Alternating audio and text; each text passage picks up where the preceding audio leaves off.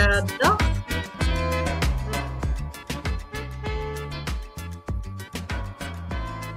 Kom er maar in, uh, Patricia. Allemaal, eh, wat zei je? Kom er maar in. Oké, dank je. Goedemiddag allemaal. Fijn dat, uh, om hier te zijn bij Radio Gletscher. Uh, vandaag mag ik de honneurs waarnemen van onze grote vriend Niels. En samen met Merlijn eh, ben ik hier. En we hebben een hele bijzondere dame bij ons. Ik had haar zelf nog niet eerder geïnterviewd. En ik heb toch best al wel wat eh, mensen geïnterviewd, Merlijn. Um, haar naam is Connie Koppen. Ze is inmiddels al meer dan 40 jaar actief. Onder andere auteur van diverse boeken zoals de touw van gezondheid. Ze geeft allerlei retraites. En ik vroeg haar net, hoe mag ik je noemen? En ze zei een holistisch visionair. Nou, ik vind dat echt een fantastische naam. En ik wil haar ontzettend graag uh, aan uh, de kijkers en de luisteraars introduceren. Goedemorgen en goedemiddag, Connie. Goedemiddag, hallo. Hi, fijn dat je bij ons bent. Dat vind ik ook. Ja, zeker. Ja, voordat, ik, uh, voordat we allerlei vragen gaan stellen, wil ik gewoon eens beginnen bij het begin. Wil jij de kijkers en de luisteraars uh, iets vertellen over ja, wie je bent? En dan echt vanaf de basis. Dus als, als jong meisje, je hebt zo ontzettend veel gedaan en we willen het graag ontleden. En we gaan het natuurlijk ook over uh, je boek hebben en de meerdere boeken die je geschreven hebt. Maar vertel, wie ben je, waar kom je vandaan? Ja, dat is altijd een hele interessante vraag. Het eerste wat bij mij bovenkomt is een rijk en gelukkig mens. Ah. Ik heb me van kinds af aan verwonderd over alles. Over het leven, hoe het is, over mijn handen die bewegen, over... Ik heb nooit iets vanzelfsprekend gevonden en ik ervaar dat als een bron van hele grote rijkdom. Ja, ik ben altijd van kinds af aan nieuwsgierig geweest van waar gaat het leven nou echt om? En toen mijn broertje overleed toen ik uh, negen was, uh, vrij, en, en is plotseling overleden, toen, vanaf toen ben ik ook wat dieper gaan kijken van ja, waar, waar, waar gaat het lijden dan eigenlijk over? Waarom gebeuren er zulke erge dingen en ja, ben, dan kom je eigenlijk tegen uh, dat je wil kijken naar slachtoffer versus dat het op een of andere manier dat je het zin kan geven, dat wat er gebeurt. En uh, dus eigenlijk vanaf mijn negende is mijn zoektocht begonnen naar die grote vraag van waar gaat het nou echt om hier en, en hoe kan het uh, dienstbaar zijn aan het leven. En uh, nou, en dat heeft me op het pad gebracht uiteindelijk van, van de, de natuurlijke geneeswijze. Ik ben, ik ben heel erg diep geraakt geweest altijd en me gevoed en gesteund gevoeld door de natuur. Ik trok als meisje van, uh, nou in mijn puberjaren stond ik op met de eerste merel en ik trok de bossen in eh, te paard. En ik heb daar hele diepe eenheids- en gelukservaringen in gehad. En um, ja, dus toen ik richting meer, uh, de, toen ik zocht wat wil ik nou gaan doen, ja. stond de natuur heel erg voorop. En ik wilde en, wel. Eh, wat heb je daar uiteindelijk dan mee gedaan met die natuur? Wat, eh, wat, ja, ik, wat, ben, ik ben als eerste natuurgeneeskunde gaan studeren. Ik wilde ja. wel geneeskunde studeren, maar ik wilde niet iets met chemische medicijnen. Ik wilde wel psychologie doen, maar het was met de rationeel. En ik wilde wel pastoor worden, maar ja, ik was geen man. Dat was in die tijd nog. Maar daar zat iets spirituele zat er al in. En eigenlijk in het Taoïsme, en de, dat is de filosofie die aan de acupunctuur ten grondslag ligt, mm -hmm. daar vond ik hoe al die lagen met elkaar samenwerken in een natuurlijke ordening. En hoe ben je daarmee in aanraking gekomen dan als jonge vrouw? Uh, want uh, ja, ja, dat uh, jaren geleden, waar, waar kwam dat vandaan? Was er toevallig iemand die zei, goh, dit is interessant? Of, want er was toen nog geen internet, bijvoorbeeld. Nee, maar ik had natuurlijk natuurgeneeskunde gestudeerd al. Ja. Dan krijg je al die natuurlijke geneeswijzen, krijg je beetjes van mee. Dus ook de acupunctuur. En ik weet niet meer precies hoe het gekomen is, maar de filosofie van de acupunctuur, dat heeft mij denk ik vanaf het begin gegrepen. Want ik was als de dood voor prikken. Dus ik heb mezelf vaak afgevraagd van, goh, waarom ben ik toch in godsnaam acupunctuur gaan prikken? en gaan, gaan studeren.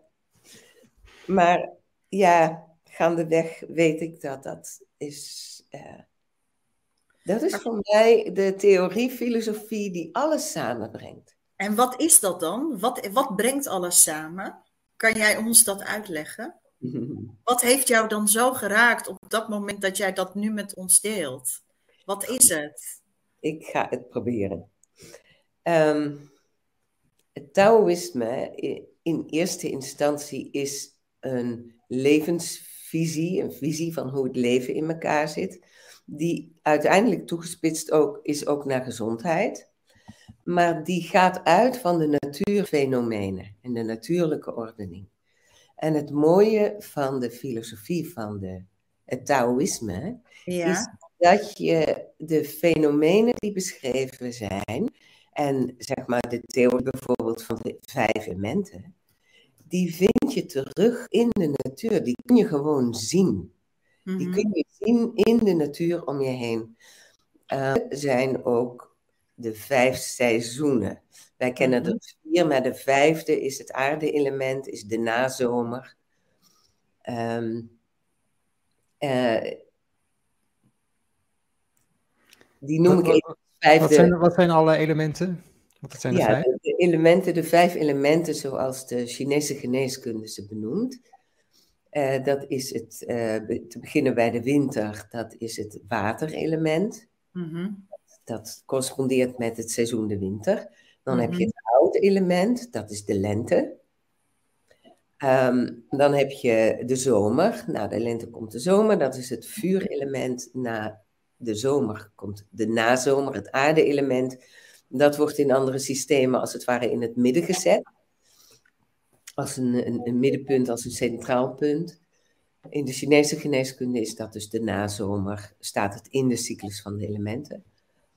Ehm, en dan de herfst uh, correspondeert met de, uh, het metaalelement. Het en ieder van die elementen correspondeert dan weer met ook organen en systemen, maar ook met psychologische fenomenen en ontwikkelingsprocessen. En dat geeft um, uh, een soort landkaart van het leven, hoe alles met alles samenhangt. En hoe je aan de fenomenen van het leven, een soort de landkaart van je leven kunt lezen en van je lichaam, van je gezondheid. Ja, ik, het, ik vind het heel interessant. Dat geeft mij ook nog meer vragen. Maar hoe kan je dan, uh, hoe kan je dat dan lezen? Um, ik, het zijn dus vijf elementen. Hoe werk je daar dan mee? Is het gewoon dat je bijvoorbeeld zegt, nou, het houtelement staat voor, of ja, eh, vertel ons er alsjeblieft meer over. Want eh, ik weet niet hoe het voor jou is, Marlijn, maar ik heb echt dat ik denk, goh, hoe werkt het? Hoe werkt dat? Ik ga het proberen. Je noemt net het houtelement, hè? Het houtelement hoort bij het voorjaar. Nou, het is nu voorjaar. Ja. Uh, wat is het karakteristiek van het voorjaar? Vernieuwing. Vernieuwing. Wat doet de natuur? Dat zie je, zeg maar ja, die, eh, die, die begint weer opnieuw te bloeien. Ja. ja. En, en, en dingen, uh, hè, dus uh, in de winter is, is, is de, de doorgaande planten die, die gewoon, zeg maar, meerjarig zijn, die trekken in de winter hun energie terug in de wortel. Ja. Het is een soort vergelijkbaar met het herijken met de bron, met de blauwdruk van wie je bent. Het nieuwe energie opdoen voor een nieuwe cyclus van leven. Um, in het voorjaar komt vanuit die wortel oprichtende energie, want iets, het leven, wil zich manifesteren zoals het bedoeld is te zijn. Het wil hm. tot bloei komen, het wil verder groeien, het wil zich ontwikkelen. Uh, eenjarige planten, daar begint het in het voorjaar bij, de, bij, bij het zaadje. Nou, ja. In het zaadje, omdat voordat het echt voorjaar is, zwelt het op, lijkt het uit elkaar te vallen en dan komt hm. er eerst een wortel. Dus de energie moet altijd eerst in de wortel. En mm. wortel, vanuit het DNA, vanuit de blauwdruk, vanuit het anker in de aarde, komt die oprichtende kracht die zegt, net als een kind, tada, hier ben ik. en, zo en, en, en zo werk je daar dan ook mee. Nou, kijk, dat... dat... is het karakteristiek van de lente, zoals je het om je heen kan zien. Ja? De energie van de lente is dus een energie van heel veel energie. Zin hebben in zich willen ontwikkelen, willen ontdekken, willen verkennen, maar vooral ook willen worden die jij bedoeld bent. Ah, oké. En, daar, ga, daar, ligt dan, daar ga jij aan werken. Daar ligt dan, kijk, want wat er gebeurt als jij niet jezelf kan zijn en je moet in het keurslijf van hoe het hoort, maar hoe jou gedicteerd wordt hoe het hoort, past niet bij je. Ja. niet bij jouw natuur. Niet bij hoe jij nou eigenlijk oorspronkelijk wil zijn. Het belemmert jouw groei te veel. Dat gebeurt bij veel mensen. Heel veel mensen. Ik heb, ik heb het gevoel, Connie, dat er meer mensen zijn die niet leven volgens hun eigen natuur, als mensen die wel leven volgens hun eigen natuur. Ja, dat is ook wel zo. Ja. Ook, maar goed, dan ga ik, ga ik te veel uitweiden, maar ik noem het ja. Ik denk ook dat deze tijd daar ten dele over gaat. Dat we nu in een tijd leven dat die oude structuren die het uh, goddelijk plan eigenlijk belemmeren, uh, en die ook in ieder mens het leven belemmeren, dat, dat, dat, dat we bezig zijn, dat het tijd is dat die afgebroken worden, dat die veranderen. Maar goed, dat gaat misschien, dat, daar wil ik voor nu, dat is misschien voor later. maar wat ik wil laten zien, is dat als je dus in het keurslijf moet van hoe het hoort en het past je niet, het belemmert je te veel, dan uh, kan je misschien een klein beetje voorstellen ik maak al deze beweging, ik zit in het keurslijf, ik ja, ja, ja. Nou, wat doet dat met een mens? Wat doet dat geestelijk en wat doet dat fysiek? Wat denk Ja, ik heb daar wel gedachten over. Ik denk dat, uh, dat mensen ziek worden daardoor. Ja, het irriteert, het frustreert, het stagneert. En dat zijn nou precies de dingen die ziek maken. Maar ook die, die, die, die, die fysieke in de omgeving om je heen, in de energie om je heen, want je bent geïrriteerd, je, bent, je wordt een, een, een, een beetje onaangenaam van voor je omgeving. Maar als je dat inslikt en je zit goed genoeg in het keurslijf, dan mag dat er ook niet zijn. Nee, nee. dan slaat het naar binnen. En dan stagneert ja. het je vreugde, dan kan het zijn dat je depressief wordt of dat je geen energie voelt. En een volgend moment explodeer je van de energie, want het leven ja. eenmaal stromen. Dus dan krijg je dat manische. Ja. ja. Of het slaat op je lichaam en dan slaat het met name op je uh, pezen en je gewrichten. Mm Je bewegingsapparaat. Het bewegingsapparaat is gekoppeld aan het houtelement. Ah, oké.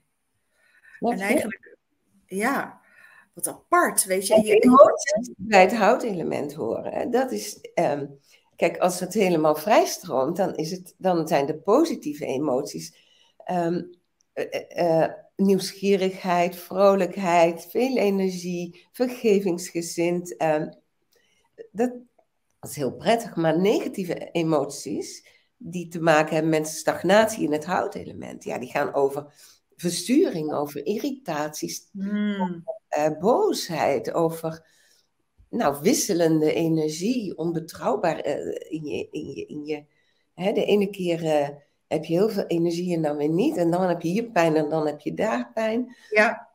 Dus um, als je logisch denkt, en ik stel je zo een paar vragen, komen we hier al heel gauw bij uit.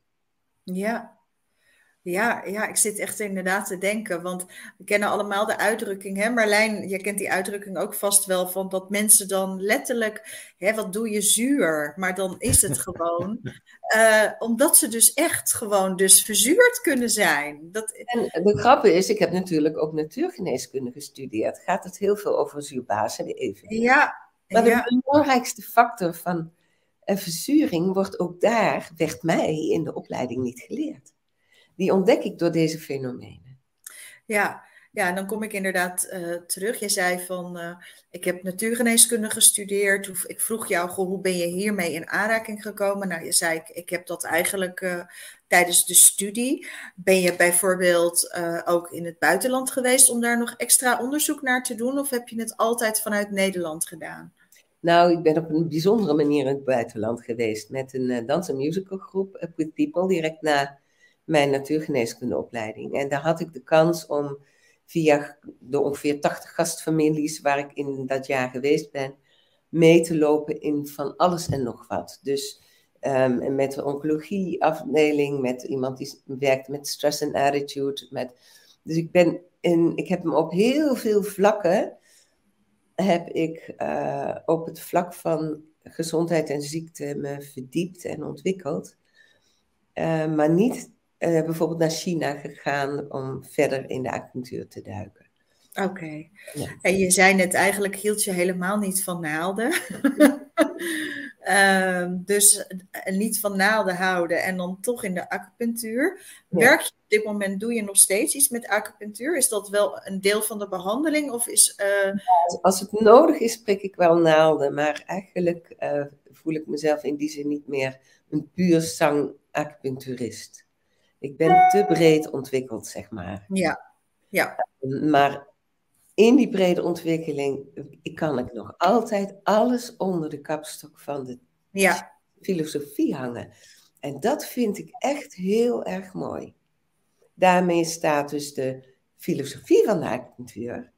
Ja, daar kan ik mezelf wel een kenner in noemen intussen. Ja, ja. Maar dan, en, dan, komt, dan komt er iemand bij jou binnen, Connie, en die, is, die zit dan helemaal vast. Dus die zit of fysiek vast of geestelijk vast in zo'n keurslijf.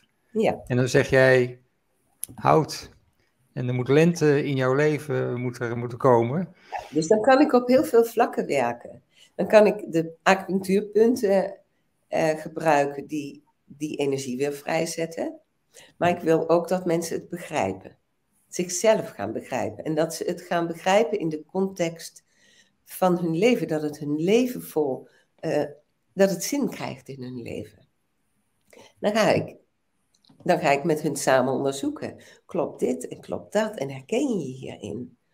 En als het dus inderdaad terug te brengen is naar het houten element, dan ga ik met die persoon primair kijken, wie ben je nou eigenlijk? Wie was je als kind? Wat deed je als kind het liefste? Waar werd je blij van? Waar kreeg je energie van? En dat zegt heel veel over wie je bent.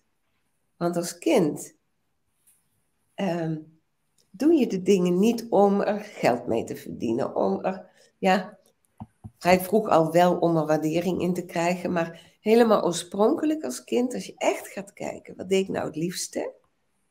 En wat wou ik altijd weer doen? Dat zegt iets over jouw natuur. En, en jouw natuur is altijd een heel diep verlangen van binnen. Uh, ja, net zoals het een wortel een wortel wil worden en een roos een roos. En geen, weet je, um, dat is iets heel eigens. Dat zegt iets over je. Dus dan ga ik kijken met wie ben je nou echt? Waar stagneert het? Waar kan je het weer vrijmaken? En hoe kan je jezelf ondersteunen? En dan heb je in het Taoïsme ook uh, een stroming die heet de Healing Tao. En dat zijn 5000 jaar oude oefeningen. En daar hebben ze bijvoorbeeld een hele eenvoudige combinatie van een, een klank, een beweging en een visualisatie die op dat element gericht is. Waardoor je zelf de energie van bijvoorbeeld het houtelement weer vrij kan maken. Ik vind dat zo fantastisch. Weet je wat je dan vertelt? Dan denk ik, wauw, 5000 jaar geleden al. Ja. Dus dat we daar zo lang mee bezig zijn, dat daar al zo lang uh, ontzettend veel kennis is. En als je dan kijkt wat voor kennis er op dit moment is, is dat, bijna, is dat gewoon minimaal. Um, het boek wat jij geschreven he, hebt, geeft dat ook weer uh, een inzicht in die oude kennis? Breng je het weer terug? Of is het, heb je het uh, opnieuw in een nieuw jasje gestoken? Ja, een nieuw jasje. Want um, de filosofie van de acupunctuur en het Taoïsme wordt vaak ehm, vrij theoretisch en abstract gebracht. Oké. Ehm, ik was 21, toen ben ik het gaan studeren. Ik ben nu 61, dus dat is 40 Ja. jaar. Ja. Ehm, en dat is gaan rijpen in mij. Op de basis Ja. van de natuurgeneeskunde en op de basis van wie ik in persoon ben, om iets heel diep te willen doorgronden. En op een gegeven moment in mijn zoektochten ben ik in aanraking gekomen met iemand die met ook natuurgeneeskunde en psychotherapeutische dingen werkt, veel met bewustzijn, bewustwording zelfbevrijding. Maar die man ehm, was ook heel diep onderlegd in de kwantumfysica. Ah, oké. Ja. En in de, door de kennis van de kwantumfysica kwam het voor mij, ging ik de acupunctuur veel dieper, veel meer in zijn essentie begrijpen en de vertaalslag kunnen maken naar meer ons westerse denken. Mhm. Want als iemand tegen mij zei, van, ik heb heel lang gedacht, ja, het metaalelement, de herfst, wat, waarom heet dat nou metaal? Wat moet ik daarmee? En soms kwam ik op een training met die, eh, die, die, die healing touw. En dan werd er een hele verhandeling gegeven over het metaal in je lichaam. Dat ik dacht, wat een onzin. Sorry dat ik het zeg. Maar wat moet ik nou op met een zo westerse interpretatie Ja. van een, je zou haast kunnen zeggen, mystieke kennis. Ehm, dat gaat veel dieper. Dat kan je niet één op één zo vertalen. En dat heb ik willen doen, om het zowel voor de leek als voor de acupuncturist dieper begrijpelijk te maken. En voor mij is het veel, ehm, ja, het, het- voor mij is dat die kwantumfysica, maar ook toen ik, eh, ik heb kanker gehad in 2005. Ja. En toen ik in de hersteltijd daarvan zat, kwam ik met de Healing Touw in aanraking. Een hele fijne docent, Birgit Haberkamp. En eh, Inge Maassen, die hebben ook, Inge Maassen heeft ook het voorwoord geschreven.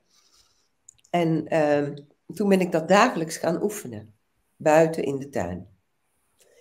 En doordat ik er meditatief mee bezig was, en ik had een reden om daarmee bezig te gaan, direct betrokken met mijn eigen lichaam, eh, begonnen die elementen ook veel meer tot mij te spreken. Dus dat heb ik ook allemaal verwerkt in mijn boek. Dus ook de, de ervaringen, mijn eigen ervaring met het doen van die klanken. En, dus dat is een heel speels, herkenbaar en integraal boek geworden.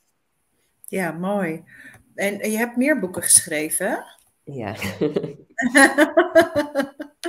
Dat krijg je als je als het eigenlijk niet in woorden te vatten is, graag in woorden wil zetten. Ja. hè, de essentie in de vorm wil brengen, dan heb je wel wat boeken nodig. Ja, Ehm, wil je iets vertellen over, want eh, eh, eh, dit boek wat we nu net bespreken over de touw, is dat het boek waarvan je denkt, god, daar wil ik op doorgaan? Of ehm, waren de andere boeken, waren die er eerder? Of kan je het allemaal naast elkaar plaatsen? Ja, daar ben ik echt heel ontzettend benieuwd naar. Nou, de, de eerste was deze, de hele Mhm. hart. Mhm. Ehm, nee, dat is de tweede. Die wou ik schrijven. Ik, ik heb altijd, als ik, toen ik aan het wer- als ik werk met mensen, omdat die integratie voor mij zo belangrijk is. En wat Ja. jij zei net heel mooi, Patricia. ehm, maar dan weten we toch eigenlijk maar zo'n klein beetje. Er is al zoveel diepe oude kennis. En dan nog steeds heb ik zelf altijd een bepaalde nederigheid. En ik denk, wie ben ik nou om voor jou te weten wat voor jou het beste is? Ja, Dat zit al in wat we net benoemden met dat houtelement. Er zit iets in jou wat dat weet. Er zit in jou een gigantisch helend vermogen. Het probleem is dat het geblokkeerd geraakt is. Door allerlei oorzaken. Wat, eh, wat zegt eh, de Tao over eh, het fenomeen kanker dan? Wat is dat? Is dat ook iets dat vastzit? Of, eh, want de, de, de werkt iets niet helemaal goed dan. Het, het, het, het dus het Taoïsme en de Chinese filosofie is heel individueel. Dus er kunnen tien mensen met kanker zijn en er zijn tien verschillende Chinese diagnoses voor. Want de oorzaken of de blokkades die er in jouw leven zijn, die daar misschien mee te maken hebben, zijn niet dezelfde als die in mij ziekte veroorzaakt hebben. En je kan iedere ziekte bekijken op het niveau van voeding, leefwijze, nutriënten, eh, tekorten, eh, toxines, meer fysiek dus. En op het geestelijke niveau en op het, eh, zeg maar op psychologische niveau en op, ja, wat ik dan maar noem, het geestelijke niveau. Mhm. Het metaniveau, waar het gaat over levenslessen. Dingen die in je leven komen, ehm, die, die vaak ook rode draad hebben. Als je echt goed kijkt, dat je denkt, oh shit, daar heb je het weer. Weer de verkeerde man gekozen. Of weer erin getuind dat ik me, mezelf helemaal weggeef. Of dat ik het voor anderen ga dragen. Of, snap je? Ehm, er zijn ook patronen. Ehm, ja, dus, dus je kan niet zeggen, kijk nou even naar kanker. Eh, wat zegt de Chinese geneeskunde daarover? Waar heeft dat mee te maken? Eh, dat, dat werkt, dus dat is een hele andere manier van denken dan de regulier med- medische manier. Daar zijn we kijken we fysieker, oorzaak en gevolg. Dat is natuurlijk wel iets wat altijd speelt, maar is veel genuanceerder. Als je heel strak zegt oorzaak en gevolg, dan kan je eigenlijk alleen maar doen op het fysieke niveau. Ik breek, ik, ik eh, heb niet opgelet, ik ben tegen, een, ben tegen een paal gebotst met de auto en nu heb ik een gebroken arm. Noem maar wat. Hè? Dat is een heel duidelijk oorzaak-gevolg. Maar in de complexere ziektes ligt dat veel genuanceerder. En dat is het moeilijke en het is het mooie. Je- Van- Je, kijkt, je kijkt eigenlijk naar de energie. Van waar, waar zit de energie vast? En dat kan op allerlei manieren kan dat een soort eh, ziekte veroorzaken. En, en hoe heeft dat met jouw leven te maken? Hoe heeft het specifiek met jou te maken? Want als, als ik uit kan vinden hoe dat specifiek met jou te maken heeft, dan krijgt jouw leven er zin van. En dan krijg je ook zin om er wat aan te doen, want dat geeft namelijk weer een potentieel om te groeien. En dat is wat het leven wil. Hoe, hoe ben jij daarachter gekomen voor jezelf? Bij mij, eh, ehm, hoe dat met de kanker zat, bij mij bedoel je? Ja. Ja, daar heb ik ook een boek over geschreven. Oh. nou, en welk boek was dat? Dansen met de dood. Dat gaat dus over. eh, het begint met hoe mijn broertje overleden is. Toen ik, eh, toen ik negen was. Ja. Hoe, hoe dat. Gewoon dus, dat is als een roman geschreven.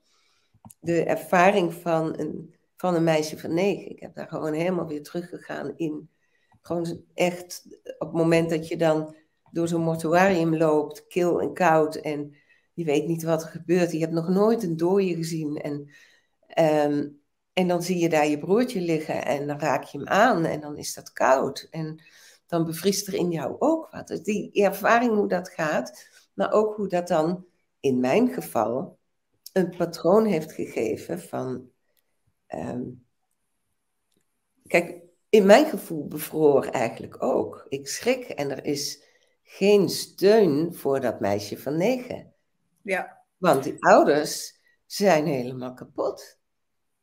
Ja. Ja, Dan wat. En als oudste meisje ben ik, en als empathisch kind, ben ik gaan zorgen voor mijn ouders. En ik had een hele goede basis in mezelf. En ik had zoiets van, nou, maak je om mij maar geen zorgen. Ik red me wel. Ik kom niet meer met mijn dingen als het met jou maar goed gaat. Want ik ben afhankelijk van mijn moeder. En dan komt daar een heel diep patroon, wat dus dan onbewust doorwerkt. En ik wist het niet, jaren niet. Ook al had ik heel veel bewustwordingswerk gedaan. Ik dacht, Mm. ik heb een heel gelukkig leven. Want ik ging de natuur in en ik had mijn paarden, ik had alle vrijheid. Ik kon me ontwikkelen zoals ik wilde. Ik was een totaal gelukkig mens. Maar er zat een heel ongezond patroon in mij. Waardoor ik mensen hielp ten koste van mezelf en waardoor ik mijn eigen behoeftes niet goed genoeg voelde. En dat uitte zich met name in de relatie, wat ik ook niet door had. En ik was super, super positief. Ik vond altijd wel iets positiefs. En daar hield ik me aan vast. Dat was deel van het patroon. En zo kunnen er een patroon ontstaan, uh, ja, die is zelfs waar je echt blinde vlekken op hebt. Hmm. Waar je mee vergroeid raakt. En dan heb je soms het mes op de keel nodig om het wakker te maken. En het heeft echt waar mij ontzettend veel gebracht. Niet alleen de kanker, als ik er nog één mag laten zien. Daarna kwam een veel groter drama voor mij nog dan de kanker. En dat was een oh. scheiding. Waar ik dacht dat ik uh, eigenlijk een goede relatie had. En, en, en waar geen haar op mijn hoofd ooit dacht dat ik zou niet scheiden. Maar het is wel gebeurd. En dat was voor mij een verdieping van de, van de inzichten die ik door de kanker heb gekregen. Want je kan wel inzicht hebben, maar hoe breng je dat? Hoe ga je echt ook anders handelen? Ook die diepe dingen die het fundament van je leven vormen. Nou, in mijn geval moest het fundament van mijn leven afgebroken worden. En dat is deze geworden, levenswinst. Hoe een crisis je kan helen en bevrijden. Dus dat is een verslag geworden, een, een, een, ook weer een autobiografisch verhaal, maar echt gewoon als een roman geschreven. Je hoeft dat niet één op één op mij te plakken. Ik heb het echt zo geschreven dat uh, vanuit, uh, omdat, ik mijn, mijn, omdat ik op een gegeven moment kom je op een punt, dan ben je 40 jaar bezig als therapeut, heb je veel geleerd, veel geschreven. En het belangrijkste is die stap om het in de praktijk te brengen. En op een gegeven moment dacht ik, ja, wat heeft het voor zin dat ik nog weer een kennisboek toevoeg? Ik ja. alsmaar tegenaan bij anderen, maar nu ook tegen mezelf. Van hoe moeilijk het is om dan echt fundamentele, ongezonde patronen ook echt te veranderen.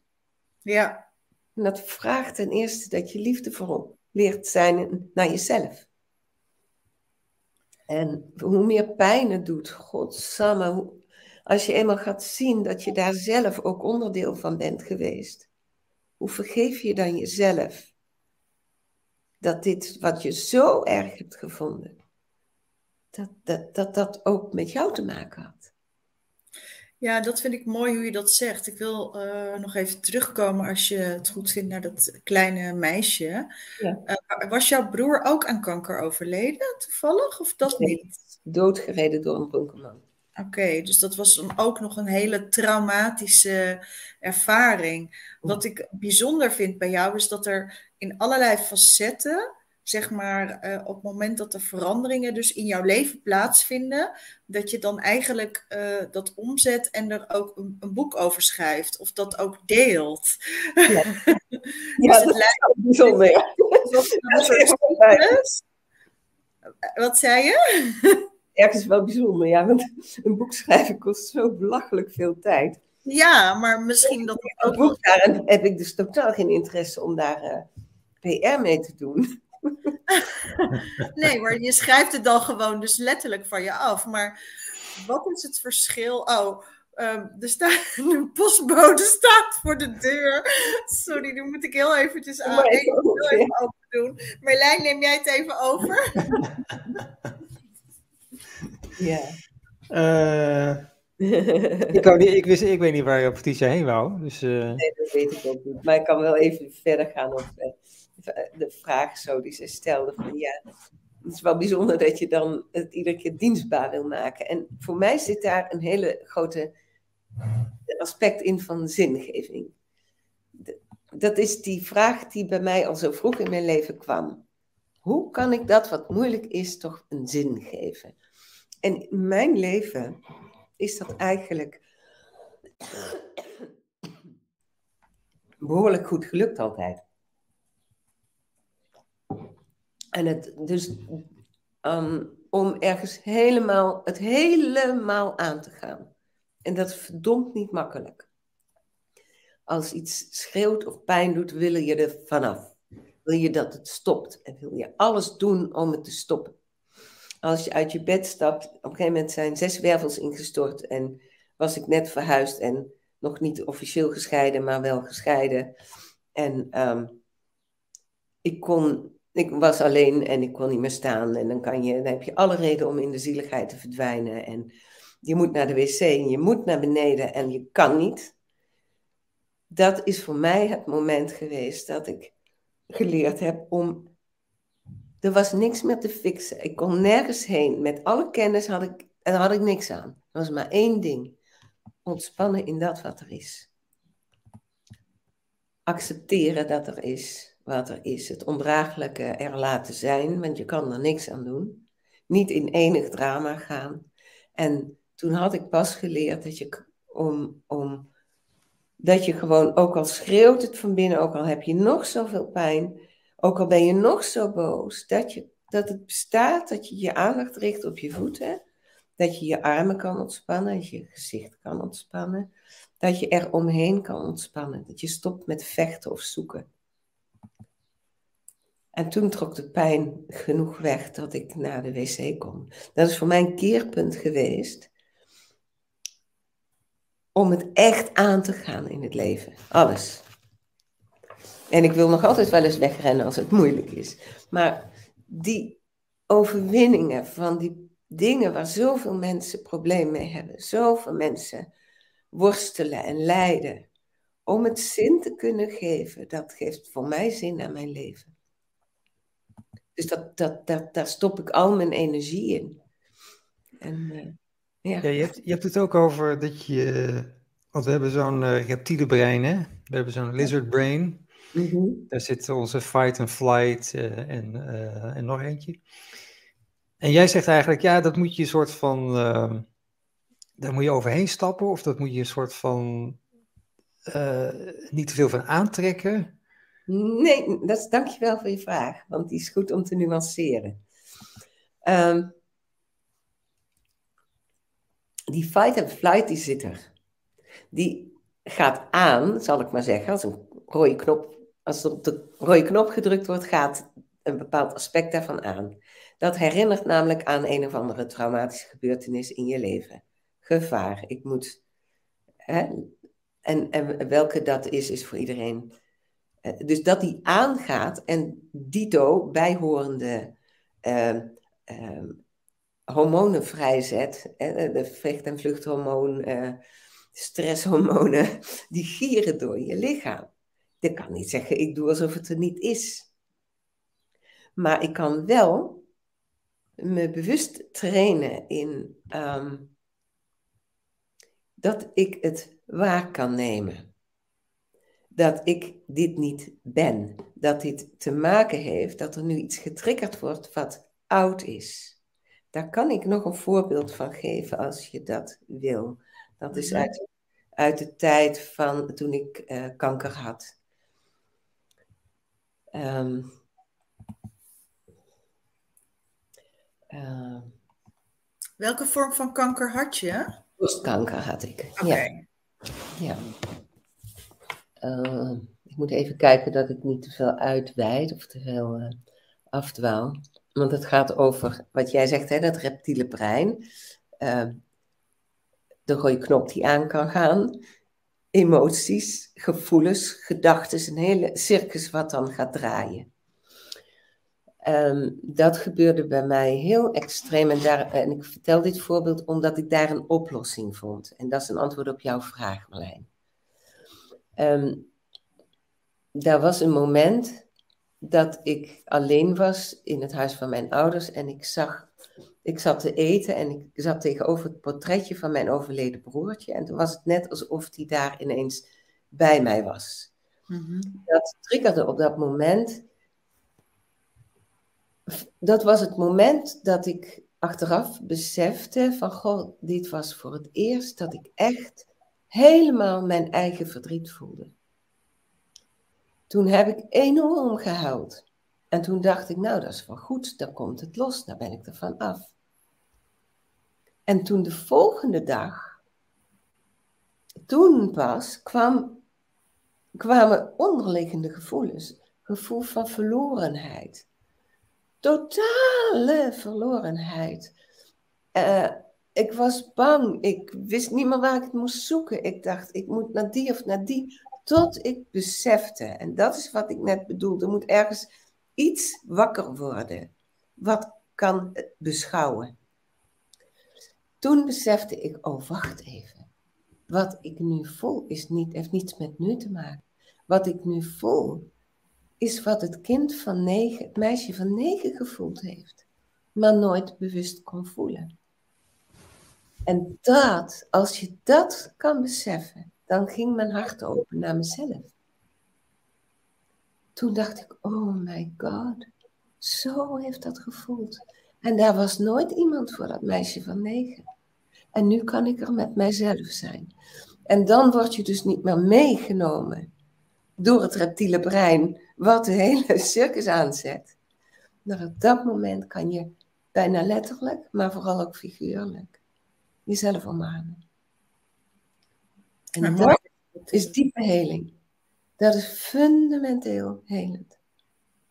En het zijn dit soort dingen waar ik er zoveel van verzameld heb in mijn eigen leven, maar ook in het werken met de mensen, dat ik een heel diep verlangen voel om dat uh, te delen.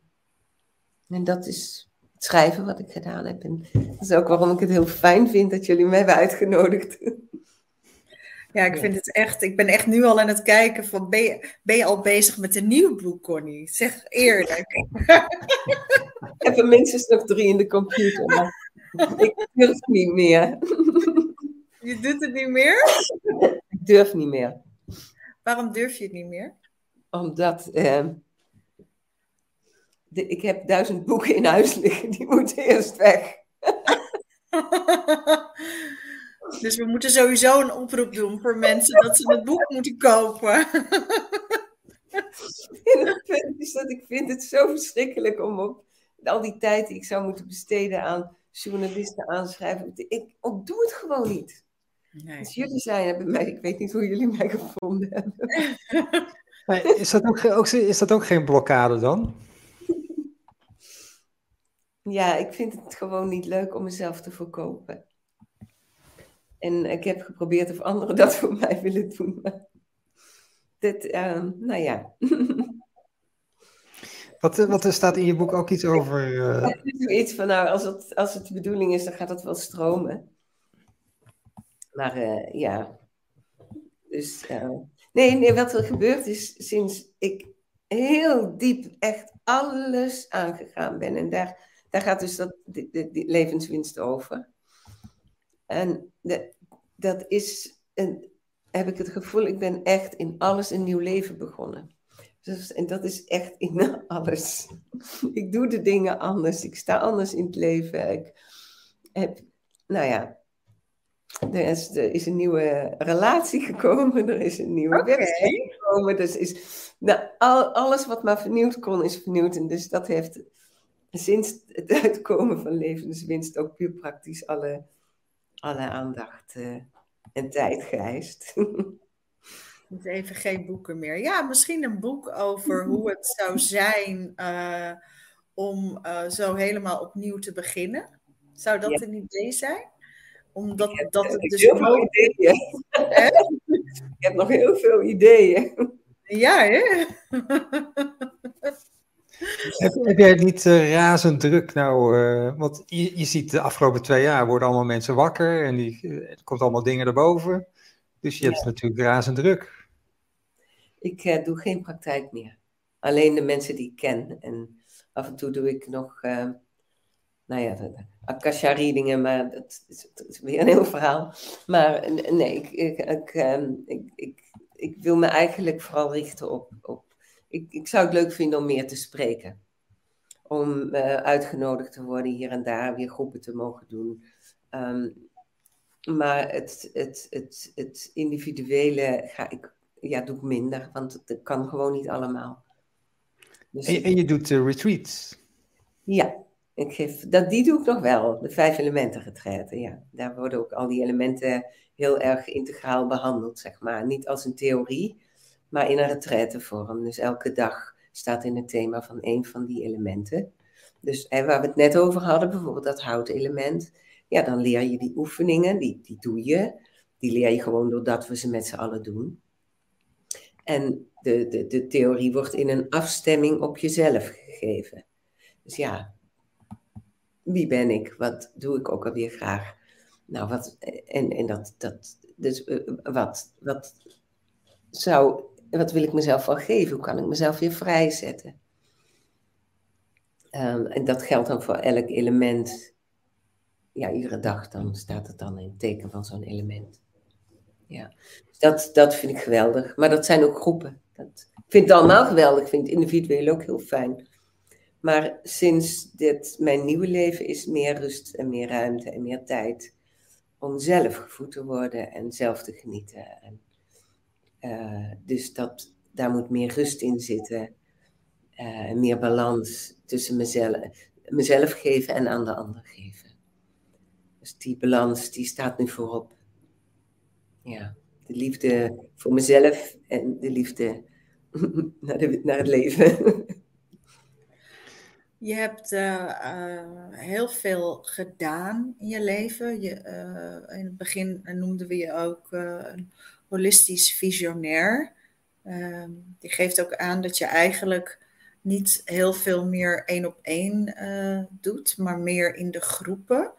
Is er iets voor jezelf, behalve het spreken voor de groepen, of uh, daarin nog uh, wat uitdagingen, dat je denkt, goh, dat heb ik nog gemist. Dat is echt iets waar ik, wat ik nog zou willen. Als ik dat niet meer doe, hè, je hebt die drie boeken op de plank liggen, maar als ik dat niet meer doe, dan is het niet compleet of zo. Dus kun je daar iets over zeggen? Ik heb echt alles geleefd en gedaan wat ik wou in mijn leven. En ik geloof in de rust en de tijd die ik mezelf nu gun. En in een heel ander soort uh, nieuwe relatie. Um, daar zit het stuk voor mij persoonlijk. Uh, waar, ik, waar, waar mijn leven compleet wordt. Dus dat stuk moet ik bewaken. Ja. Dat, dat, um, dat staat voorop nu. Maar eh, ik vind het gewoon heel fijn, dit soort dingen. Vind ik gewoon heel fijn. Ik vind het heel fijn om, om mijn enthousiasme, mijn kennis, mijn inspiratie, de winst, de levenswinst uh, van, van zo'n rijk leven eigenlijk te delen. Want ik geloof dat daar ook heel veel behoefte aan is. En uh, dus ja, nee, daar ben ik zeker. Blijf ik heel graag voor beschikbaar. Ja. Ja, Um, het, het, eh, het, de Tao, uh, alles wat daarmee te maken heeft. Is er nog iets waarvan jij denkt, uh, de mensen die op dit moment kijken of die op een ander tijdstip kijken, wat zou je ze, natuurlijk moeten we allemaal het boek kopen, dat is sowieso, want dat is het allereerste. ergens voor mijzelf. De taal zelf interesseert me dat niet zo, maar. Dit, ja, maar misschien kunnen we die dan ook uitdagen ja. Boek te schrijven. Dus dat zou natuurlijk ook uh, geweldig zijn. Um, is er iets dat je, uh, ja, zou je ons handvaten op dit moment kunnen geven? De lente is inderdaad net begonnen, hè? Dus uh, zoals je aangeeft, zoals je ons meenam naar je jeugd, waar je dat jonge meisje was van negen. Ik wil daar even, als het mag, iets over delen. Ik ben namelijk mezelf ook mijn broertje verloren. Ik was ook de oudste, maar ik was En uh, uh, dus de enorme trauma's. Dus terwijl je het vertelde, was het voor mij ook, werd ik ook echt even teruggetriggerd naar. Uh, dus ik ken de trauma's, wat het met je doet. Hoe het in de familiestructuren en hoe je eigenlijk je rest van je leven. Ik heb wel eens gezegd, vooral de laatste tijd, ik had geen schijn van kans eigenlijk. Uh, dus mooi dat je daarover geschreven hebt. Maar wat zou je de mensen mee mogen geven in deze tijd waarin zoveel ontwaken, mm -hmm. maar ook zoveel eigenlijk rechtstreeks de duisternis voor hun gevoel inlopen. Hoe kunnen, ja, waar zouden ze het licht aan kunnen zetten? Dankjewel, wat een mooie vraag. Waar kan je het licht aanzetten? In jezelf. Ja. Hoe blijf je, hoe zorg je ervoor dat je niet in het donker, welke kant, hoe dan ook, wordt meegezogen? Die vraag raakt heel erg mijn hart. Het eerste wat er komt is weet dat je liefde bent. Dat de bron van leven uiteindelijk dat wat, wat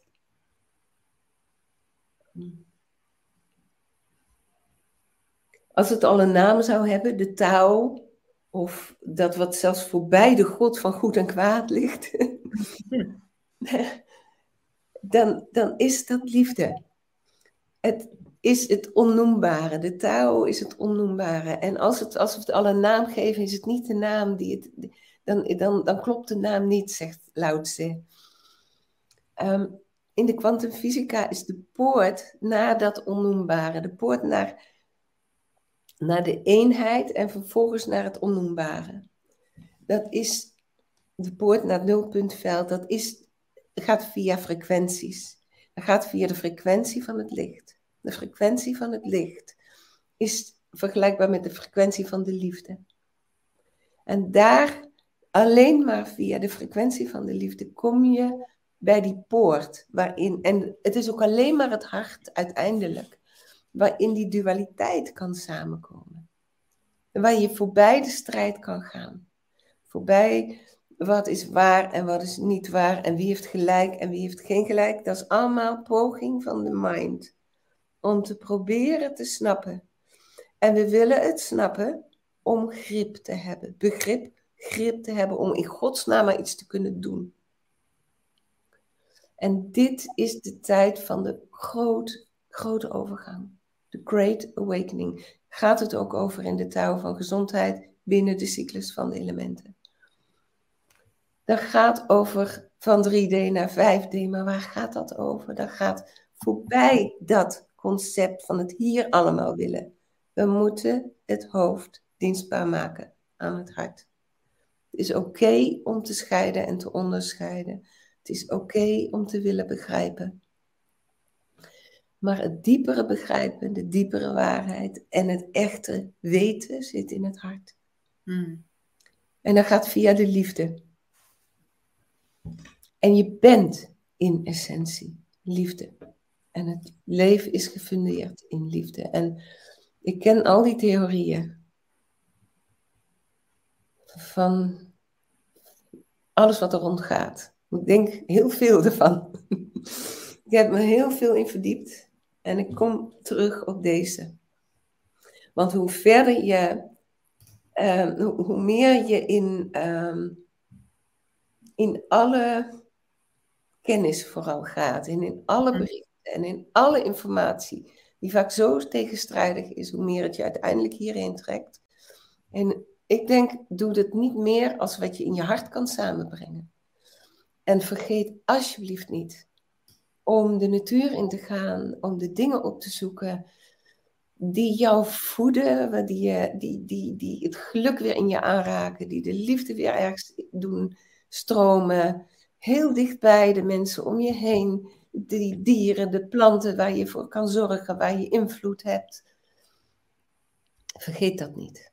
Vergeet dat niet. Want juist in deze tijd is het zo belangrijk dat we gevoed blijven in, ons, in onze liefde, in ons wezen, in ons hart. Ja. ja, dus dat vind ik een hele mooie vraag. Dankjewel. Ja. ja, dankjewel voor je antwoord. Ja, dat we ook gevoed worden door de juiste voeding. En de juiste voeding is ook de voeding uit de natuur. De, dat wat ons hart in positieve zin raakt. Ja. En het kan zelfs zijn, ik zat pas in de, kerk, in de kerk voor uh, gebedsdag voor de vrede. Mm -hmm dat al die mensen door mijn hart liepen, al die vluchtelingen van nu en toen. En dat was, deed zoveel pijn. En ik, de tranen stroomden uit mijn wangen. Maar door het toe te laten, als dat er mhm. echt mag zijn, dan was er ook tegelijkertijd het diepste gebed en enorme liefde. Die ik ja. maar die dan komt.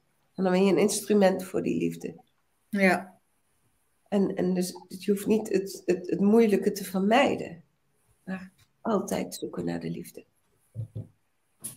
Ja, dat is mooi hoe je dat zegt. Dat, uh, hè, dat, dat is iets wat op dit moment, en misschien is dat ook wel iets van alle tijden hoor.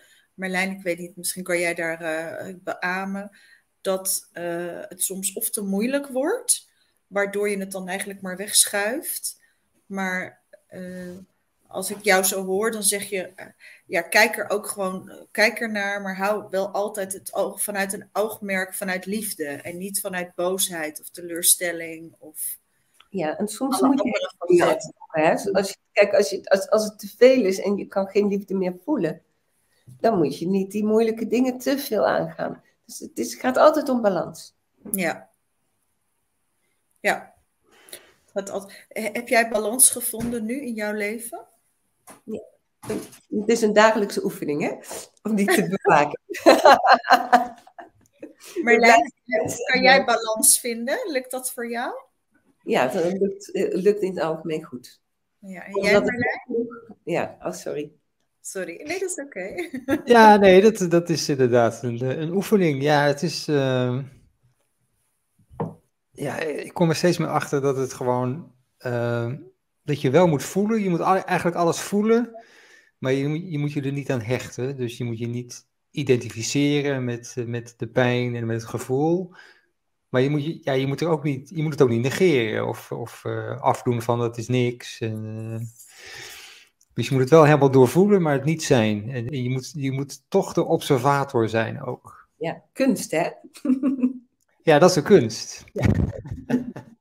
Ja, dat is een, dat is een hele goede. Mijn, uh, mijn nieuwe zin is uh, dat ik het, ik neem het niet persoonlijk. Hm. Ja, mooi. Dus op het moment dat je dat doet, uh, ja, dan dat kan, maar het is altijd de weerspiegeling naar, van de ander naar jou toe, wat het gedrag geeft, wel of niet. Ja. Dus als je het niet persoonlijk neemt, ja, dan is het eigenlijk altijd gewoon oké. En het gedrag van de ander komt ook voort vaak uit, uit, uit pijn en trauma. In. Ja. Dat praat niet iets goed, maar het, het, uh, het, het uh, helpt, helpt je zelf wel als je er zo naar kijkt om uit, uh, uit de strijd te komen. Ja, om uit de strijd te komen. Um, je hebt het, uh, ik, ik wil graag nog heel even op je boeken terugkomen, als dat mag. Uh, Marlijn, ook, je, hebt, je zegt je hebt heel veel boeken geschreven. Uh, onder andere ook nadat je ziek bent geworden. Je bent inmiddels hersteld. Dit laatste boek over gezondheid. Um, ja, dat gaat dus meer over, over hoe crisis, hoe, hoe, wat voor crisis dan ook kunt gebruiken. Ja. Kans om te groeien. Maar het gaat vooral over, het speelt rondom de scheiding. En dat verlies van mijn broertje en zo, het oud trauma komt er nog weer eens in terug. Uh, niet, niet... Stel dat voor de mensen die nu, um, uh, kijk, uh, voor mensen die kijken, heb jij voor jezelf iets waarvan je zegt, goh, als je nog niet mijn boeken kent, is dit de eerste stap? Welk boek zou je dan als eerste aanraden om te beginnen met lezen? Um, als je zeg maar, uh, niet zo van de theorie bent, maar liever een gewoon makkelijk leesbaar boek. Mensen lezen dat in één of twee dagen uit. Dan, dan zijn die laatste twee, Dansen met de Dood en Levenswinst. Uh, Oké. Okay. Prachtig dat plaatje. Prachtig. Ja, heel... Heb je dat zelf getekend? Geschilderd en deze heeft mijn zoon gemaakt. Oh, wauw, mooi. Ja. En ik zei al tegen jou aan het begin, ik zei, zit jij stiekem ergens in Griekenland? Maar dat heb je ook gewoon zelf geschilderd, hè? Ook zelf geschilderd. ik waande mij, ik dacht, oh, je neemt ons mee. ja. ja. ja.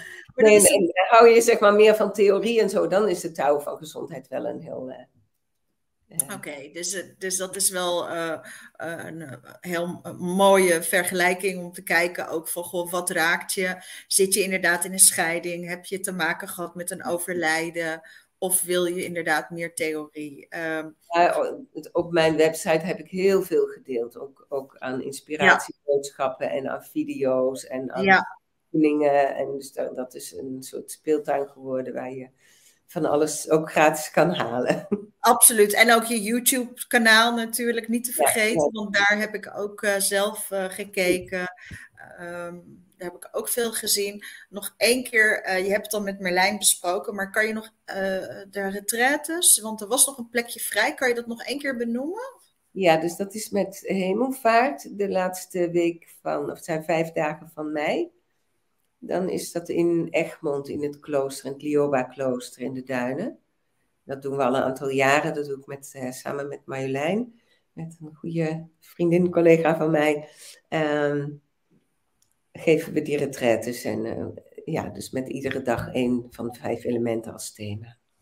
Oké, mooi. Ik ben benieuwd. Daarom natuurlijk ook die vijf dagen Marlijn. Ik, uh, ik ben nog even benieuwd naar uh, Doornroosje. Want je hebt het oh. over de elementen in je boek. En uh, het element vuur, daar hoort Doornroosje bij. Nou ja, hoort, ik, ik kreeg op een gegeven moment zo die associatie. Um, dat, dat, ja, dan ben ik aan het schrijven en dan komt zo ineens komt zo'n sprookje voorbij. Um, dat om onze. Weet je, dat, dat wat we ten diepste zijn, onze kern, onze ziel, dat is iets heel. Dat per definitie, dat stamt af van de liefde. Want het, dat is wie we zijn, ten diepste. Dat is puur, dat is onschuldig, dat is oorspronkelijk, dat is helemaal origineel jij. Maar dat is het sterkste, maar vooral in ons gewone leven ervaren als het meest kwetsbare in onszelf. En om, dat, om die pure kern vanuit hoe het leven nou eenmaal is en alles wat er aan trauma's, klein en groot, op ons afkomt in het leven, dat, dat, maar dat toonde zich eigenlijk als dat bos om door een roosje. Die pure schoonheid, die, die valt in slaap. Je weet als het ware niet meer dat ze er is of wie ze is. Um, het is verscholen. Maar dan kan het op een gegeven moment in de loop van je leven, kom je dan op zo'n punt dat je misschien wel alles hebt. Een dure auto, een mooi huis, een lieve vrouw of man, of uh, alles wat je hartje begeert, wat je ego-hartje begeert. En dan komt dat andere. Dan ben je toch niet gelukkig. En dan is er iets diepers wat roept en dan krijg je die vraag van ja, maar is dit het nou? En wat, maar wat zoek ik dan nog? En dan wordt als het ware de prins wakker die dwars door het doornenbos gaat zoeken naar die kern. Wie ben ik nou eigenlijk? De, wat is het nou wat ik zoek in mijn leven? Wie is het nou die ik zoek in mijn leven?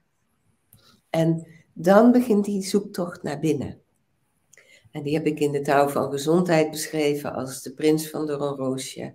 Die, door, die bereid is om door dat doornenbos zich een weg te banen. Om zelfs um, die boze vee te trotseren die zich als een draak manifesteert. Want dat is volgens mij het symbool. Jij zou dat kunnen zien als een symbool voor het, voor het ego. Ik heb ooit heel diep contact gehad met iemand die heel erg bereid was om te groeien. Echt oprecht. Maar toen het, toen het zo veilig was dat die diepste kern naar buiten wou komen, toen kwam de draak ook naar buiten. Die dat beschermde. En dan kwam er een totaal narcistisch stuk wat het kostte wat het kost moest beschermen. Want niets en niemand mocht bij die kern komen. Terwijl hij wilde echt graag. En, en, en, um, maar, maar, maar toch in dit stuk, die echte, puur kwetsbare kern, daar kan zo angst op zitten. En, en, en die heb ik echt letterlijk ontmoet. En daar heb ik heel veel van geleerd. Ook in hoe de narcistische persoonlijkheid soms kan werken als een draak die zorgt dat er maar nooit iets bij, dat, bij die kwetsbare binnenkern kan komen.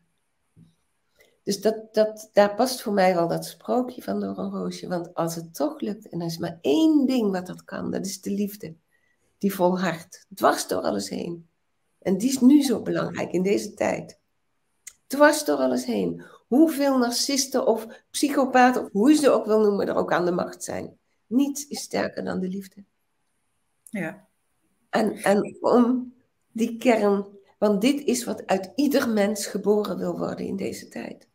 Dat goddelijke weer leiding krijgt. Ja, mooi dat je dat uh, deelt. Ik had laatst uh, in een uitzending had ik uh, gedeeld ook um, dat als, als in de duisternis, er zijn heel veel duistere puntjes nodig om te zorgen dat er totale duisternis is. En er is maar één lichtpuntje nodig om licht in de duisternis te brengen. Zo is het.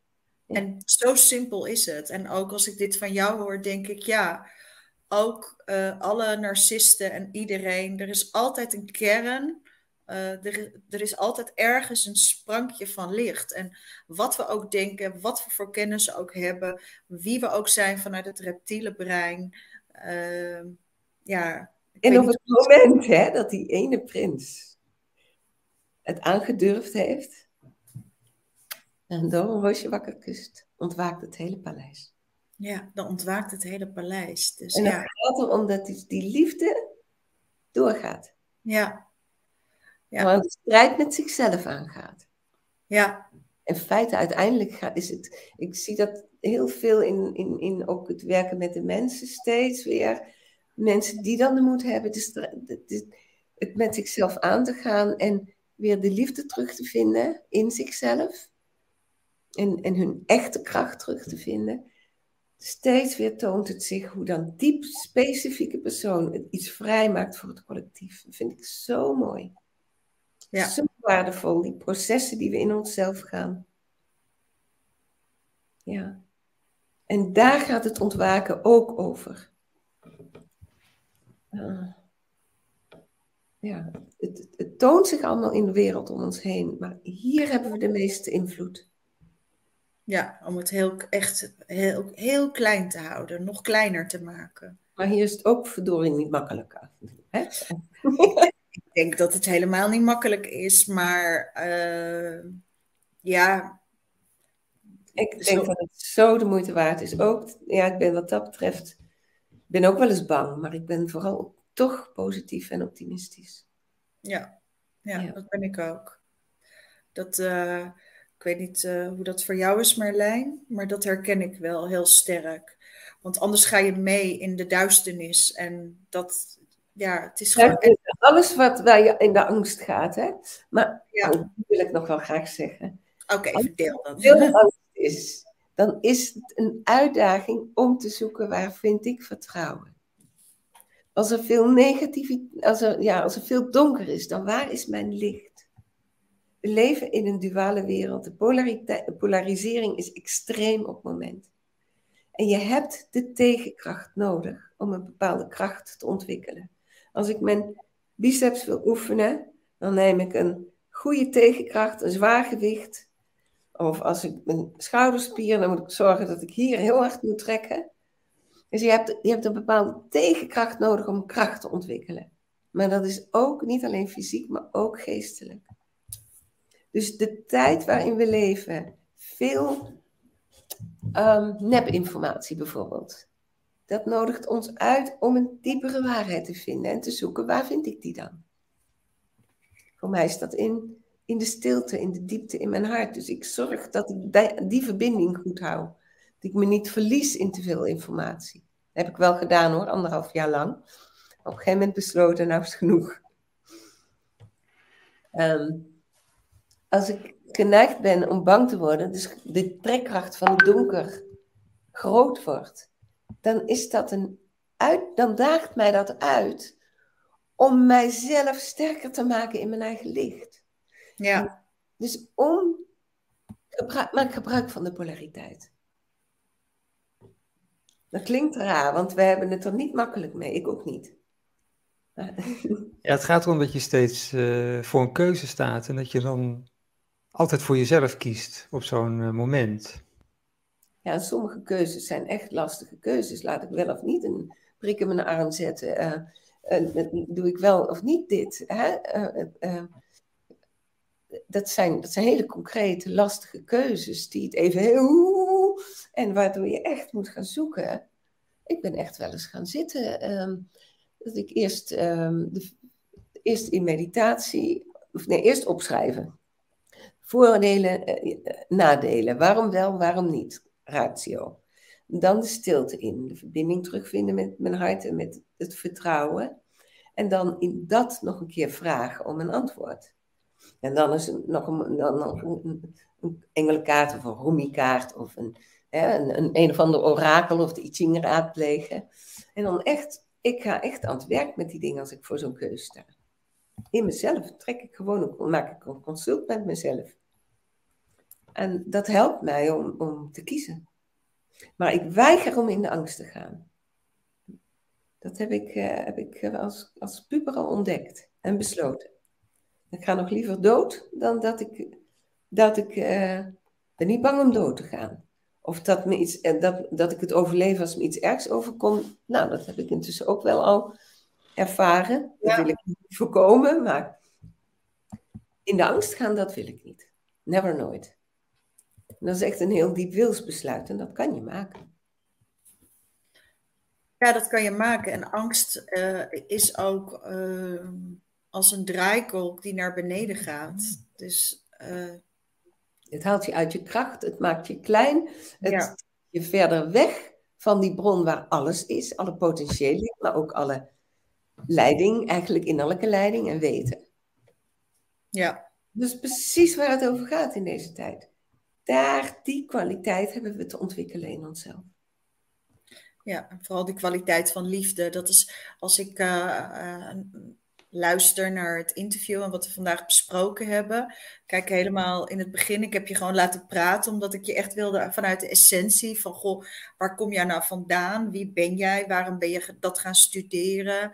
Um, het voelde belangrijk om het uh, helemaal open te laten, in plaats van dat ik er allerlei, om er allerlei vragen op te stellen, want dan onderbreek je processen. En als ik dan nu naar jou kijk en ook naar je energie en wie je bent, dan is dat liefdestuk, dat liefdestuk, want ik noem het echt de liefde, maar de liefde voor jezelf en de liefde voor het leven en de liefde letterlijk met een nieuwe liefde, is ja. dat misschien wel het, het centrale punt geworden, uh, waar de as geworden waar alles om draait. En waardoor je misschien ook daardoor de energie krijgt en aan anderen, aan ons allemaal mag geven. Dankjewel. Ja, ik denk dat dat zo is. Ja. ja. Die onvoorwaardelijkheid en uh, door je angsten heen gegaan. Want je zegt ook van je wil niet van het angstleven. Maar als ik zo luister, denk ik, ja, je hebt ook heel veel van die angsten heb je doorleefd. Dus waarom zou je ze nog Waarom zouden ze deel ja. moeten uitmaken? Je broertje is overleden, je hebt kanker gehad, je man is, je bent gescheiden. Het, nou ja, weet je, allerlei dingen, eh, basisdingen waarin wij, waarin iedereen vindt dat eng. Iedereen is bang om Ja. Iedereen is bang dat zijn geliefde overlijdt. Iedereen is bang dat, nou ja, en, en als ik het zo bij jou zie, dan denk ik, ja, je hebt het echt als, het voelt echt als een cirkel. Het, eh, voor mij, als ik zo, dan denk ik, ja, ik wacht nog op je laatste boek. Daar, daar wacht ik nog op. Dat voelt heel erg.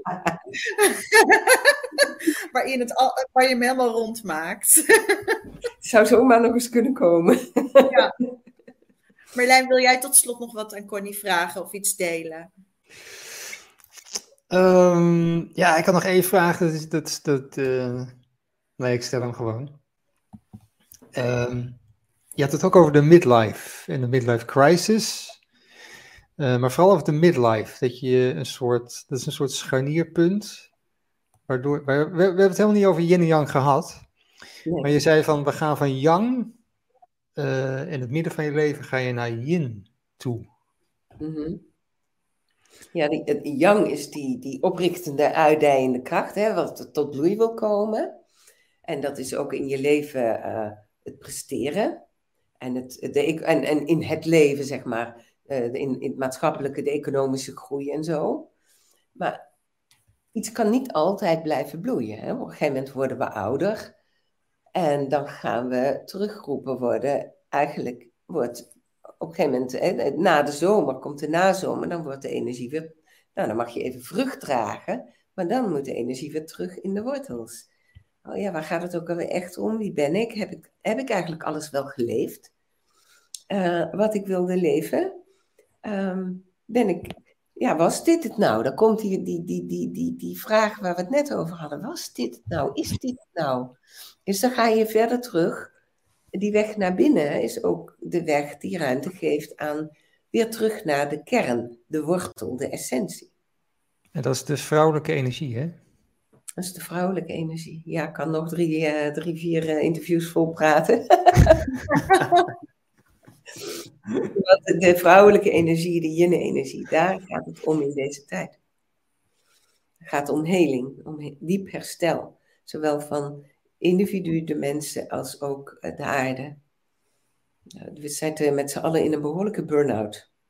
Tot en met het uitputten van de wereld, de, de, de minerale in de aarde en de, de energiebronnen en eh, alles. Het is, het is echt, en in de Chinese geneeskunde, als er een te grote, we zijn te lang doorgegaan in de jonge energie. In het groeien, groeien, groeien, groeien, meer, meer, meer, meer. En in alles wat we, in dat wereldbeeld van de mens als, als, als heerser en het lichaam als alles. En uh, de maakbaarheid van, van de wereld. Dat is veel te veel yang. Dat is allemaal yang denken. En als dat te veel uit balans is, ja, dan wordt het leven onherbergzaam. Het wordt afstandelijk, het wordt onveilig. Er is te weinig. De bodem voedt je niet meer. Er zitten te weinig mineralen nog in. Um, alles gaat uit balans. En als het te ver uit balans is, kunnen er maar twee dingen gebeuren volgens de Chinese geneeskunde. Of het doet even dit en het vindt zijn balans. Dus dan klapt het even om naar dat het even zijn tegenpool moet vinden. Dus van de mannelijke pool naar de vrouwelijke. En chaos is en dan vindt het een nieuwe balans. Of het mhm. valt uit elkaar en het houdt op. Dat is het oerprincipe van genezing. Echt moet. Na zomer op een gegeven moment winter komen. Het kan niet doorgaan. Het kan niet doorgaan zoals het, zoals het was. Maar goed, dat zou een volgend gesprek kunnen zijn over die energie. Misschien een andere keer. Uh, uh, ja, ook hoe je dan uh, de lente, de zomer, de herfst en de winter. Wij hebben de voorspoed dat wij in een land wonen waarin die jaargetijden ook zo duidelijk zichtbaar zijn. Ja. In heel veel landen is dat niet zo. Voor ons nu nu zie je hè, de bomen beginnen te ontluiken buiten. De afgelopen dagen zijn we getrakteerd op prachtig weer. Uh, ja, dan, dan ga je ook bloeien. Dan krijg je ook meer energie. En ook in de winter, ook zelfs de winter is ook een hele mooie periode. Want het is ook een periode van bezinning en terugtrekken en klaarmaken voor nieuw. Maar die fenomenen, uh, zoals ze beschreven zijn in de Chinese geneeskunde, die vijf elementen, ja. ken je in de seizoenen, maar die gaan door het hele leven heen. Ja. Toen, toen, toen jij en ik ons broertje verloren, zal ik maar even zeggen zo, op het moment, dan waren we in de bloei van ons leven. In de ja. van ons leven. Maar je komt in een, fa in een acuut, in iets van wat je los moet laten, wat nooit meer terugkomt zoals het was. Nee. Dat is, dat is het principe van de herfst. Ja, dat klopt. En ik denk uh, ook uh, dat als uh, voor jonge kinderen, dan als je zoiets overkomt, als, als, als ouder kind, je blijft, dat, duurt, dat kan heel lang duren voordat je uit die herfst komt. En om dan weer terug te komen, ook al ben je jong, om terug te komen weer in die lente. Begrijp je dat? Het kan zijn dat dus dat je, als je daar niet goed hebt kunnen verwerken, dan heeft dat een weerslag op je lichaam. Absoluut. ja, absoluut. Dus de organen die, die, die met het metaalelement verbonden zijn. En zo kan je dat dan weer een beetje lezen. Ja, ja het is gewoon. De darm. Ja, jij hebt dus borstkanker bijvoorbeeld gekregen. Ik heb baarmoederhalskanker gekregen. Dus dat zie je, dat het dan altijd weer oh, ook. Uh, het is allemaal weer terug in, uh, in al die facetten, denk ik, van, van trauma. Ja. ja. Maar uiteindelijk uh, ja, blijf ik erbij en dan hoop ik, tenzij wil ik zo graag afsluiten, dat er altijd weer kans is op licht. Altijd. Altijd. En het leven gaat altijd door. En met de dood houdt het ook niet op uiteindelijk. Het is ook een doorgang. Nee. En dat is iets wat jij, hè, ik ben ontzettend benieuwd ook naar je, naar je retraite van vijf dagen. Dat het constant een, een, ja, een cyclus is die nooit stopt. Ja. Waarin altijd het licht weer aangezet mag worden. Nou, ja. zeker nog, het licht ligt daaronder. En daarin. Ja. ja. ja. De touw, dat wat voorbij alles ligt, ligt ook in alles. Een andere woord voor de touw is ook wel de weg, de weg door het leven. Ja, ja. Marlijn. Nou, uh, Connie, plug, plug, nog even, plug nog even alles wat je hebt en doet. Want dat vind je zo leuk. Wat zei je nog Wat Want dat vind je zo leuk om te doen? Ik volg je geloof ik even niet. Dat vind je zo leuk om te doen? Gewoon een beetje promotie maken voor jezelf. Wat ik leuk vind om te doen? Ja, promotie. Dingen. Dit vind ik erg leuk. Zo'n gesprek vind ik heel leuk. Ik heb daar echt van genoten. En uh, ik hoop dat anderen er wat aan hebben en er ook van genieten. En uh, beter van worden in hun, uh, nou, de weg vinden in hun leven. Dat, voor wie nu kijkt of luistert. Dat je mag helpen, want daar is het voor. En, ik ben vooral het leven dankbaar dat het me gebracht heeft waar ik ben en dat het me overal doorheen geleid heeft waar ik dacht dat ik het zelf niet kon. En ik vind niks fijner dan dat te mogen doorgeven. Ja, dat is het eigenlijk. Mooi. Nou, Patricia, ja. dankjewel voor je, voor je Niels-imitatie. ja, nou, ik, ik, maar mag ik dat doen? ik zal jullie even over de postbode. Ik heb dus normaal een vaste eigen postbode. Die weet precies dat hij nooit mag aanbellen. Die kijkt altijd op het raam. Maar dit was een andere bezorger. Die snapte niet dat hij niet zomaar moet aanbellen en op het raam moet tikken. ja. Dus mijn excuses. Ik vond het, uh, ik vond het leuk, uh, Marlijn, uh, om met jou eens een keer samen te werken. Ja. Op deze manier. Maar, maar jij bent ook overal bezig, hè? Jij bent, jij bent drukker dan ooit. Ik ben drukker dan ooit. Ik ga morgen ook echt twee geweldige interviews opnemen. Dus daar ben ik heel blij mee met twee grote helden, wat mij betreft. Mm. dus een uitvinder, Willy Broders van der Weijden. Hij, is, um, hij heeft onder andere over watergas, maar ook het stikstofprobleem. Daar heeft hij een oplossing voor. Uh, en hij is nu met een nieuwe uitvinding ook bezig, waardoor wij ons gasgebruik voor de helft kunnen reduceren. Dus ik zei Willy Broders, uh, ik wil je echt interviewen voordat ze hem echt op, aan alle kanten, uh, nou ja, jullie weten het wel. Dus het is een hele bijzondere man. Ik, ik volg hem al jaren. En uh, Anthony Michels, die ga ik ook morgen uh, interviewen. Hij is onder andere oprichter van de Florijn. Ik weet niet of jullie dat wat zegt. Ja. En met hem ga ik het hebben over wat er op dit moment speelt ook ten aanzien van de banken en hoe we het kunnen herkennen en hoe we ons echt constructief kunnen voorbereiden. Wow. Dan heb ik het niet over uh, het preptasje, maar van oké, laten we nou eens even uh, wat grover geschud naar buiten komen. Dus uh, ja, dus daar ben ik heel daar. En dus echt twee, wat mij betreft, twee helden die ik mag interviewen morgen. En, en, en maar ja, dat is even persoonlijk. Zou ik dan willen weten, waar kan ik het vinden? uh, ik, als het goed is, bij, ik denk uh, ook via Wildsmiths en bij Awareness. Dus uh, via mijn eigen Awareness. Awareness, ja. Awareness.org. En ik zend twee keer per week uit via oh.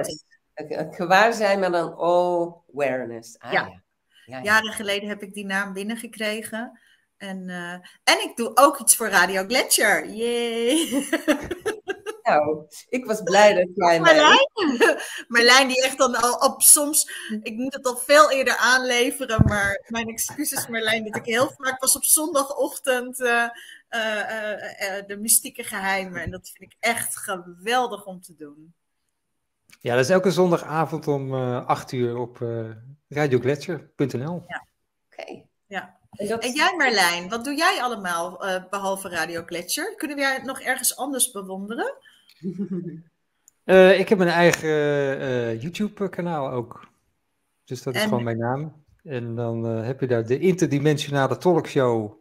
En dan heb ik het allemaal over, nou ja, yin en yang af en toe ook. En aliens, graancirkels, het ego. Nou ja, allemaal dat soort onderwerpen. Leuk. Nou, het is uh, ook heel druk bezig. Nou, we zijn, we zijn alle kijkers kwijt, dus die...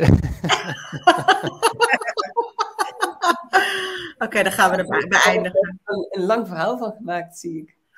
we gingen over onszelf beginnen en iedereen nog met gierende banden wegwezen. nou, die kan je er dan later uitknippen. Connie, dank je wel. Heel, heel ja, jullie ook heel erg bedankt. Ja, zeker. Ja, ik ook. Heel blij. Dus, uh, ja. Mm. doei. Doei. Tot uh, volgende week allemaal. Tot volgende week. Dag.